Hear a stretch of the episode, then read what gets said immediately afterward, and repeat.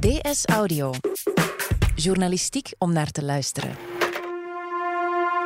Elke avond om 8 uur weer klinkt vanuit onze huizen applaus voor de helden van de zorg. We dragen ze momenteel op handen. Nog niet zo lang geleden was dat nogthans anders. De zorgsector is al jarenlang kop van jut in tal van besparingen.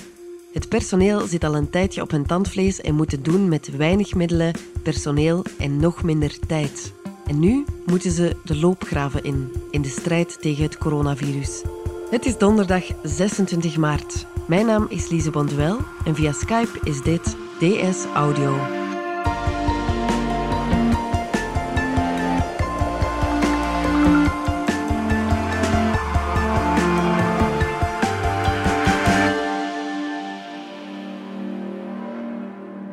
Deze coronatijden draait de zorgsector overuren. Ine Renson, weekendjournaliste bij De Standaard, sprak met verpleegkundigen uit ziekenhuizen en rusthuizen overal in Vlaanderen.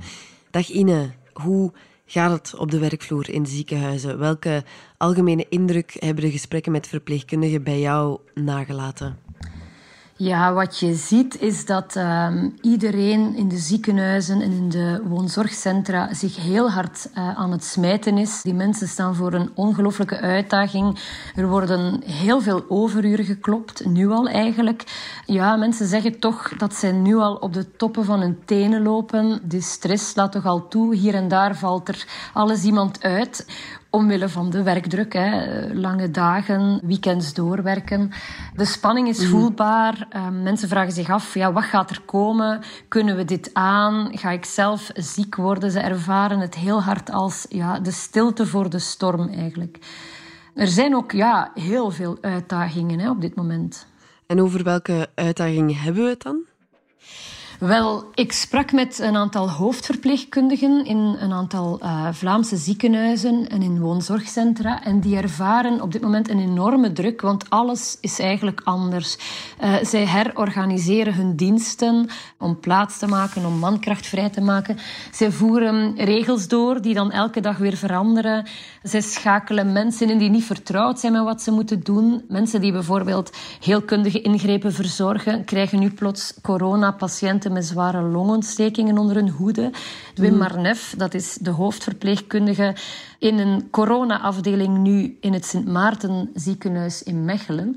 Die zei, we gaan naar een oorlog met soldaten die daar onvoldoende voor zijn opgeleid de omschakeling van kort verblijf heelkunde naar een afdeling waar je volledig in isolatie moest werken. Dat zijn zaken die we toch niet gewoon zijn, waar we dan toch ook niet specifiek voor opgeleid zijn. Eh, daar kwamen wel wat vragen bij. Het was eh, alle hens aan dek. En wat je ziet, ja, er is veel angst. Hè. Er is angst om zelf uit te vallen, om ziek te worden. Plus ook het, het idee dat je COVID-19-patiënten moet benaderen. Er blijft toch wel een, een, bepaalde angst van ook besmet te geraken. Um, wij zien ook patiënten, dertigers, veertigers, vijftigers, zestigers. Dat zijn leeftijdscategorieën waar je zelf in zit. En dan denk je wel, ik kan hier ook wel komen te liggen als je niet oppast. Er is angst om het team te zien uitvallen, om met te weinig over te blijven. Iemand gebruikte het beeld van de domino's die vallen. Mensen hebben echt schrik van wie wordt de last man of woman standing in deze crisis. Er is angst voor te weinig materiaal, de mondmaskers, zuurstof, beademingsmachines. Angst voor te weinig capaciteit. Uh... Mag ik het samenvatten als een angst om geen controle meer te hebben over de situatie? Ja, eigenlijk wel. Hè. Dat vertelde onder andere ook Jessica Geraert. Zij is decennia lang verpleegkundige geweest, onder meer bijna twintig jaar op de zware kinderintensieve zorgen en werkt nu als een ondersteunende kracht uh, in het UZ Gent. Ik denk de angst die bij iedereen is, van wat, wat, staat er ons te wachten, wat gaat dat doen? Angst van, ga ik het kunnen? Um, gaan wij ook moeilijke keuzes moeten maken uh, van welke patiënten wel of niet te verzorgen? Gaan wij goed voor ons patiënten kunnen zorgen? Gaan we zelf overeind blijven, zowel fysisch als uh, mentaal? Ja, een heleboel eigenlijk, een heleboel angsten. Wat je ook ziet, de, de patiënten zelf en de families verwachten ook veel. Patiënten in het algemeen uh, verwachten in een ziekenhuis vaak dat ze op hotel zijn. Hè. Die bellen en die willen dat de verpleegkundige daar onmiddellijk staat. Uh, dat is iets wat mhm. sowieso al vaak terugkomt. Maar ook nu um, vergroot de druk ook van familie, omdat er geen bezoek meer mag komen. Hè wordt er eigenlijk van die verpleegkundigen een extra inspanning verwacht. Zij moeten de patiënten opvangen die geen bezoek meer krijgen of de bewoners in een rusthuis. En zij moeten die familieleden inlichten. Iemand vertelde mij, ja, de telefoon staat hier rood gloeiend, want wij moeten continu mensen te woord staan die vragen hebben over hun familieleden, die soms zelf na een operatie of zo te verward zijn om te antwoorden. Dus dat is iets wat er nu nog eens bovenop komt. Ja, en er is ook natuurlijk angst bij het personeel om zelf het coronavirus op te lopen. Hoe groot is die kans eigenlijk? Hebben ze voldoende beschermmateriaal?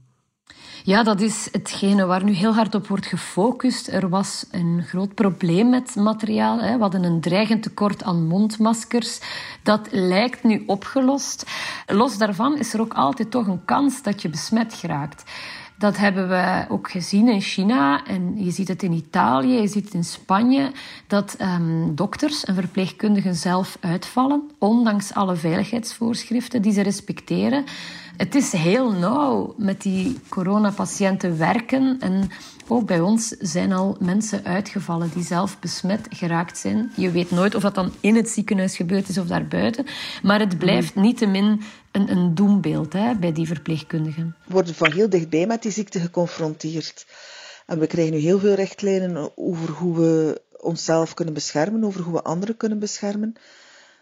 Maar het is wel een feit dat, ja, als je er middenin zit, denk ik dat je kans wel een serieus stuk hoger is dan dat je in je eigen huis rondloopt, bij manier van spreken. Wat je ook ziet is een stress specifiek in de rusthuizen ook. Ehm, niet per se daar om zelf ziek te worden, dat ook natuurlijk. Maar ze zijn er als de dood eigenlijk dat het virus daar binnen sluipt. Bij de meest kwetsbare groep. Hè, bij die mensen die nu al een tijdje in quarantaine zitten, bij kwetsbare ouderen. Ik sprak ehm, met een hoofdverpleegkundige van een woonzorgcentrum in West-Vlaanderen. En die zei: Kijk als dat gebeurt, hè, als hier mensen gaan sneuvelen door dat virus, dan vrees ik heel hard het oordeel van de samenleving. Ja, zegt zij, het is evident dat er hoogbejaarden zullen sterven in deze crisis. Maar als het gebeurt in woonzorgcentra, dan zullen de mensen een zondebok zoeken. Dan zullen wij het gedaan hebben. Hè. Dan hebben wij niet goed genoeg de regels nageleefd. Dan zal de familie een schuldige zoeken.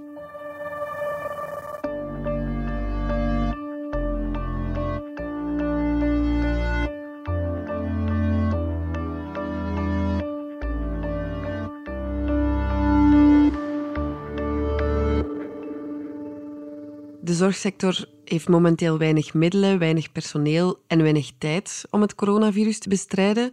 Maar eigenlijk zaten ze al op hun tandvlees. Waarom is dat eigenlijk zo? Ja, je moet weten, um, het corona virus, die crisis, komt bovenop een structureel probleem dat eigenlijk al jaren aan de gang is in de medische sector. Er is een grote onderbemanning en er zijn al jarenlang besparingen in onze ziekenhuizen en in onze rusthuizen. Als je specifiek naar de ziekenhuizen kijkt, is er een groot probleem met de ziekenhuisfinanciering. Dat is eigenlijk wat daarachter zit. Een kleine helft van de Belgische ziekenhuizen zit in de rode cijfers. Dat is echt wel heel slecht. Mhm. Je zou kunnen zeggen, om het met een, een beeld uh, uit te leggen dat de ziekenhuizen in ons land een patiënt zijn die hinkt op twee benen. Een been dat te lang is en een been dat te kort is. Het te lange been, dat is de prestatiegeneeskunde die geld opbrengt, de technische prestaties, de machines, de foto's, hè, de labo's, dat brengt geld in het laadje. En daarnaast is er een been dat te kort is. En dat is dat van de algemene zorgafdelingen, hè, waar de verpleegkundigen werken, het beddenhuis van het ziekenhuis, die overal zwaar verlieslatend zijn en waar ook steeds verder op wordt bespaard. Mhm. En betalen de verpleegkundigen nu de prijs voor die scheefgegroeide situatie? Ja, dat is wel zo. Hè. Dus er is een algemeen financieringsprobleem in de ziekenhuizen, maar zeker bij de verzorgenden, dat is trouwens ook zo in de rusthuizen, komt dat heel rechtstreeks binnen. Er was ook wel een tijd dat het te ruim zat allemaal. Hè. Er was een tijd, maar dat is toch al lang geleden, dat patiënten veel te lang in bedden voor acute zorg bleven liggen. dat er eigenlijk geen controle was op de medische consumptie. Een voorbeeld, in het ene ziekenhuis bleven patiënten na een bepaalde ingreep 15 dagen liggen en in een ander waren ze na zeven dagen alweer buiten. Daar zaten veel te mhm. grote verschillen op. Daar zat echt wel lucht in, zeg maar, in het systeem. Maar ja, dan heb je opeenvolgende ministers gehad die dat terecht hebben aangepakt. Ze hebben de efficiëntie opgedreven en de gemiddelde lichtduur per ingreep ingekort.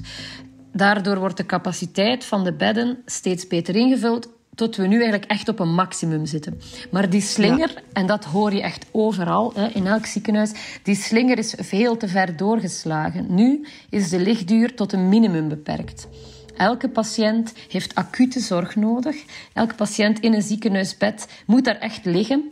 En de personeelsbezetting is daar niet aan aangepast. Niet aan de capaciteit van de bedden en ook niet aan het feit dat er bijna alleen nog mensen liggen die zware zorg nodig hebben. Um, besparingen zijn eigenlijk als een, een, een sluipmoordenaar in, in de organisaties geslopen. En, en stilletjes aan is er aan bespaard in de gezondheidszorg.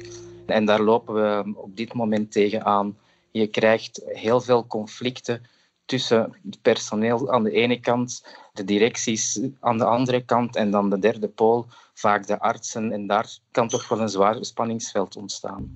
En je kunt helemaal de parallel trekken naar de rusthuizen. Ook daar, het woord rusthuis is dan eigenlijk niet meer relevant, zeg maar. Het gaat echt over woonzorgcentra waar alleen nog zwaar hulpbehoevende ouderen zijn. Hè. Je komt daar alleen nog maar in, in een rusthuis, als je al een redelijk zware pathologie hebt en echt niet meer alleen kan mhm. functioneren. En dus wat je ziet, is dat deze coronacrisis in een sector nu er bovenop komt. Hè. Er wordt al jaren bespaard, die sector zit op zijn tandvlees en dan komt daar nu die crisis. Ik had daar ook een, heel interessant gesprek over met Wim Marnef. En hij zegt, ja, hier is echt geen man te veel. Hij voelt zich als een pionnetje in een Excel-bestand. Zo zien de verpleegkundigen dat tegenwoordig.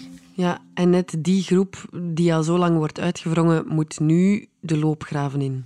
Ja, dat klopt. Het hele land rekent nu op die verpleegkundigen. Alleen, dat is wat mij overal wordt verteld, is er weinig tot geen marge om een grote crisis op te vangen. Er zijn verschillende getuigen die zeiden er is gewoon te weinig personeel voor de lange intensieve inspanning die ons te wachten staat. Mensen zeggen letterlijk, wij zullen de prijs voor die jarenlange besparingen nu cash betalen. En dat is natuurlijk geen geruststellend nieuws. Hè. We hebben jarenlang onder de waterlijn eigenlijk een bepaalde beroepsgroep uh, verder uitgewrongen. Af en toe wel komt dat in de media. De mensen komen heel soms ook eens op straat. Je hebt de witte woede. We hebben dat altijd zo ook een beetje weggeduwd. Maar ja, nu plots rekenen we massaal op die mensen. Um, ja. En, en ja, zij zelf vrezen eigenlijk dat ze het niet zullen trekken. Het allergrootste gevolg is dat de vermoeidheid en de uitwelling die er al is nog groter gaan worden. Ja, daarna gaan we denk ik betalen ervoor. Gaan we betalen met gezondheid eh, van onszelf. Gaan we ja, bepaalde zaken dubbel zo hard voelen omdat we heel erg diep in onze reserve zullen gaan. Ze hebben schrik voor uitval nu maar ook na de crisis. Want na de crisis zal het zorgpersoneel er opnieuw moeten staan.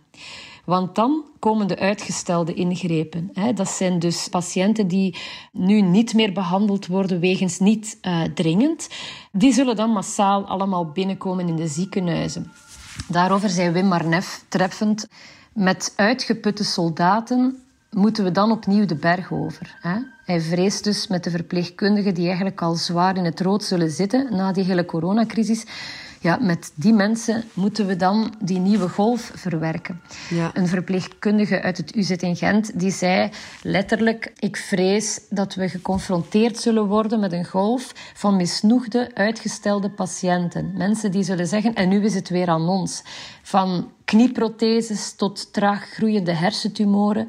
Die dingen zijn allemaal uitgesteld. Die mensen komen terug binnen en dat zijn voor alle duidelijkheid ook geen akkefietjes natuurlijk.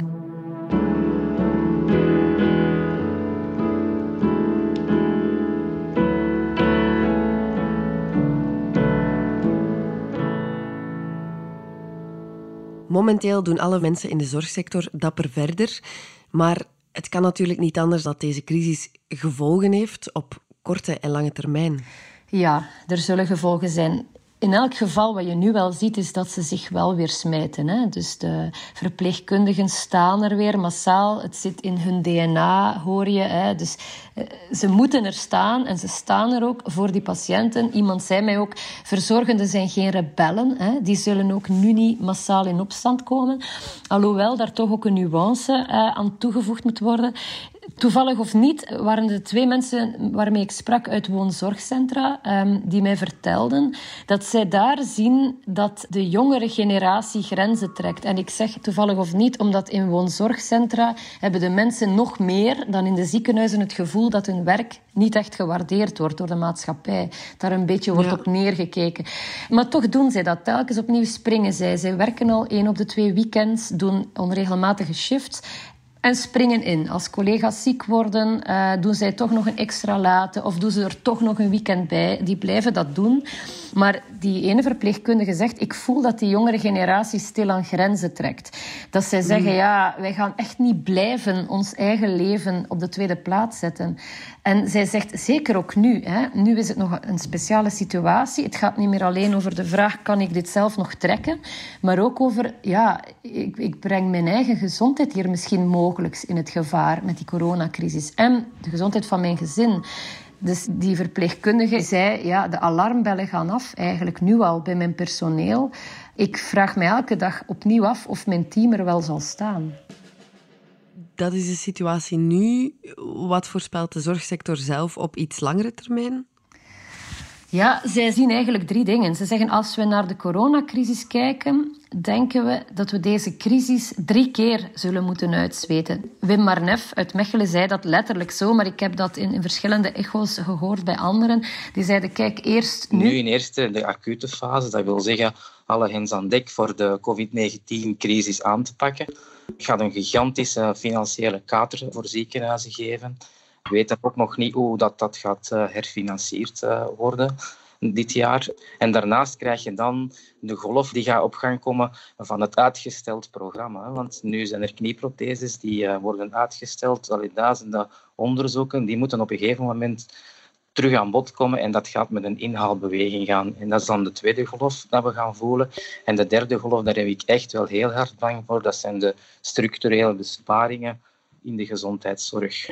Want sta me toe, hè, ehm, bij de uitbraak van de crisis waren de, de hanen aan het kraaien en de leeuwen nog aan het brullen. We kregen moeilijk een uh, deftige noodregering um, op de been. En ik, ik denk als we echt naar een regering gaan die is dan het applaus voor de mensen uit de zorg snel vergeten en is het uh, business as usual en dat wil dan zeggen besparen. Wim spreekt over angst voor nieuwe besparingen in de zorg. Maar het lijkt toch ergens alsof iedereen nu wel doorheeft hoe belangrijk de zorgsector is. Het is ook net daarom dat er elke avond zoveel en zo luid wordt geapplaudisseerd. Ja, dat is zo. Hè. Iedereen heeft dat nu door. En dat applaus, dat betekent ook enorm veel. Dat zeggen zij allemaal ook. Ik denk dat dat ongelooflijk deugd doet um, voor al die mensen die er een zware shift op zitten hebben met de nacht, met de late, met de dag. Um, die effectief die patiënten hebben verzorgd. Um, dat doet enorm deugd. Het is mooi. Het is, het is mooi dat je eigenlijk wel erkenning krijgt voor het werk dat je doet. Uh, dat is kippenvel. Het is een, een, een openbaar eerbetoon aan de mensen in de zorg. En dat hebben we nog nooit meegemaakt. Maar natuurlijk, de ironie van de hele situatie ontgaat de sector niet. Hè? Mhm. Zij zeggen, ja, de maatschappij heeft zelden oog voor ons en nu staan wij plots in de schijnwerpers. Hè? Nu moeten wij het gaan doen. Het is toch wraakroepend, eh, zeggen sommigen. Ik vind het tegelijkertijd ook een beetje bitter dat er eigenlijk zo een crisis moet komen vooraleer dat die erkenning er komt. Eh, de sector die mhm. jarenlang wordt uitgevrongen, moet nu eigenlijk ja, in de loopgraven, zeggen sommigen, om in het militaire jargon te blijven, of moet nu het land redden. En dus ja, sommigen hebben het toch wel een beetje gehad daarmee. Die zeggen, ja, applaus is allemaal goed, maar eigenlijk willen wij duurzame erkenning. Met applaus koop je wel geen extra eten of extra benzine. Persoonlijk denk ik dat we nood hebben aan een duurzamere um, erkenning en verloning. Daar gaat trouwens ook een open brief over rond op sociale media onder verpleegkundigen met net die boodschap in hè, van wij willen zorgen, dat is onze passie, maar wie zorgt er voor ons? Als maatschappij zetten we alles on hold om die gezondheidszorg te kunnen laten werken. Maar wat zij allemaal zeggen is, tegen volgend jaar zijn we dat alweer vergeten. Hè? Dan is het weer mm. business as usual. Zij hopen natuurlijk dat dit iets in beweging brengt, dat er iets zal veranderen, dat dit zal blijven hangen. Maar eigenlijk maken ze zich daar heel weinig illusies over. Ja, stel ze krijgen gelijk en de zorgsector valt toch weer ten prooi aan de besparingen. Hoe gaat de zorgsector reageren? Ja, er zijn er die daar behoorlijk gelaten in zijn. Maar toch merk je ook dat sommigen zeggen, ja, het is nu echt wel genoeg eigenlijk. Hè. Er was een verpleegkundige in het UZ die zei, ik voorspel, als dit voorbij is en ze draaien de vijzen in de zorg nog verder aan, dan is het opstand. Mhm. Opstand is iets wat je moeilijk associeert met zorgenden, uh, maar toch, dat wordt nu toch wel gezegd van de grens is echt bereikt. Iedereen zegt, wij verwachten eigenlijk wel dat er structureel iets verandert beste scenario zou zijn dat er effectief een keer goed nagedacht wordt. Uh, dat het geen eenmalig iets zal zijn en dat men eigenlijk uh, veel meer energie en geld en middelen in zorg en in zorg voor mensen algemeen moet steken. Dat er daar geen ruimte is voor besparingen of besnoeiingen. Ik hoop dat die piste zal bewandeld worden. En, en ook niet onbelangrijk, sommigen vrezen nu eigenlijk al dat er na deze coronacrisis een nieuwe uitstroom komt in de zorg. Dat velen zullen zeggen, uh, de pot op. Misschien is dit wel de inspanning te veel geweest. En dan moet je weten dat nu al hè, veel zorgenden uit de jongere generatie het voor bekeken houden. Net zoals je in het onderwijs ziet dat veel jonge leerkrachten binnen de eerste vijf jaar opnieuw stoppen zie je ook dat jonge verpleeg- of zorgkundigen afhaken. Eens ze op de werkvloer staan en merken hoe zwaar het is met die shifts, hoe flexibel ze moeten zijn, hoe een zware job het is, ook technisch, ja, dan, dan zien ze het soms al niet meer zitten. Die hoofdverpleegkundigen die ik sprak, die, zei, die stelden dat allemaal vast. Van kijk, je ziet jongeren afhaken. Mensen die letterlijk zeggen, ja, dit werk is slecht voor mijn rug, uh, het is niet goed voor mijn sociaal leven. Vier jaar studeren, want dit is nu eigenlijk het eerste jaar dat... Um, verpleegkundigen een vierde jaar bijstuderen. En zeggen ze, ja, vier jaar studeren om dan zo hard te draaien in zo'n flexibel systeem, om de twee weekends werken. Ja, waarom eigenlijk? Hè? En dat is natuurlijk ja, problematisch voor ons als maatschappij. Want los van de hele coronacrisis staat onze zorgsector voor immense uitdagingen. Terwijl de instroom van verpleeg- en zorgkundigen dunner wordt, kijken we wel aan tegen een dubbele vergrijzingsgolf. Je hebt enerzijds veel 50-plussers onder het zorgpersoneel. Dus er zal een, een hele generatie met pensioen gaan binnenkort. Maar tegelijk vergrijst ook de bevolking, waardoor er dus eigenlijk meer zorg nodig is dan ooit. Mm, pittige tijden voor de zorgsector. Ik denk dat we vanavond alleszins nog net iets harder gaan applaudisseren dan we daarvoor al deden. Bedankt, Ine Renson. Graag gedaan. Dit was DS Audio. Wil je reageren? Dat kan via dsaudio.standaard.be. In deze aflevering hoorde je Ine Renson, Wim Marnef, Jessica Gerard en mezelf, Lise Bonduel. De redactie gebeurde door mezelf en Annelies van Roost. Annelies deed ook de eindredactie. Brecht Plasgaard deed de audioproductie. Brecht schreef ook de muziek die je hoorde in deze podcast. Chef audio is Wouter van Driessen. Vond je deze podcast interessant? Weet dan dat je er elke werkdag één kunt beluisteren. Dat kan via de DS Nieuws app of via standaard.be-audio. Je kunt je ook abonneren via iTunes, Spotify of de podcast app van je keuze. En als je er dan toch bent, schrijf gerust een review. Zo toon je ook anderen de weg. Morgen zijn we opnieuw.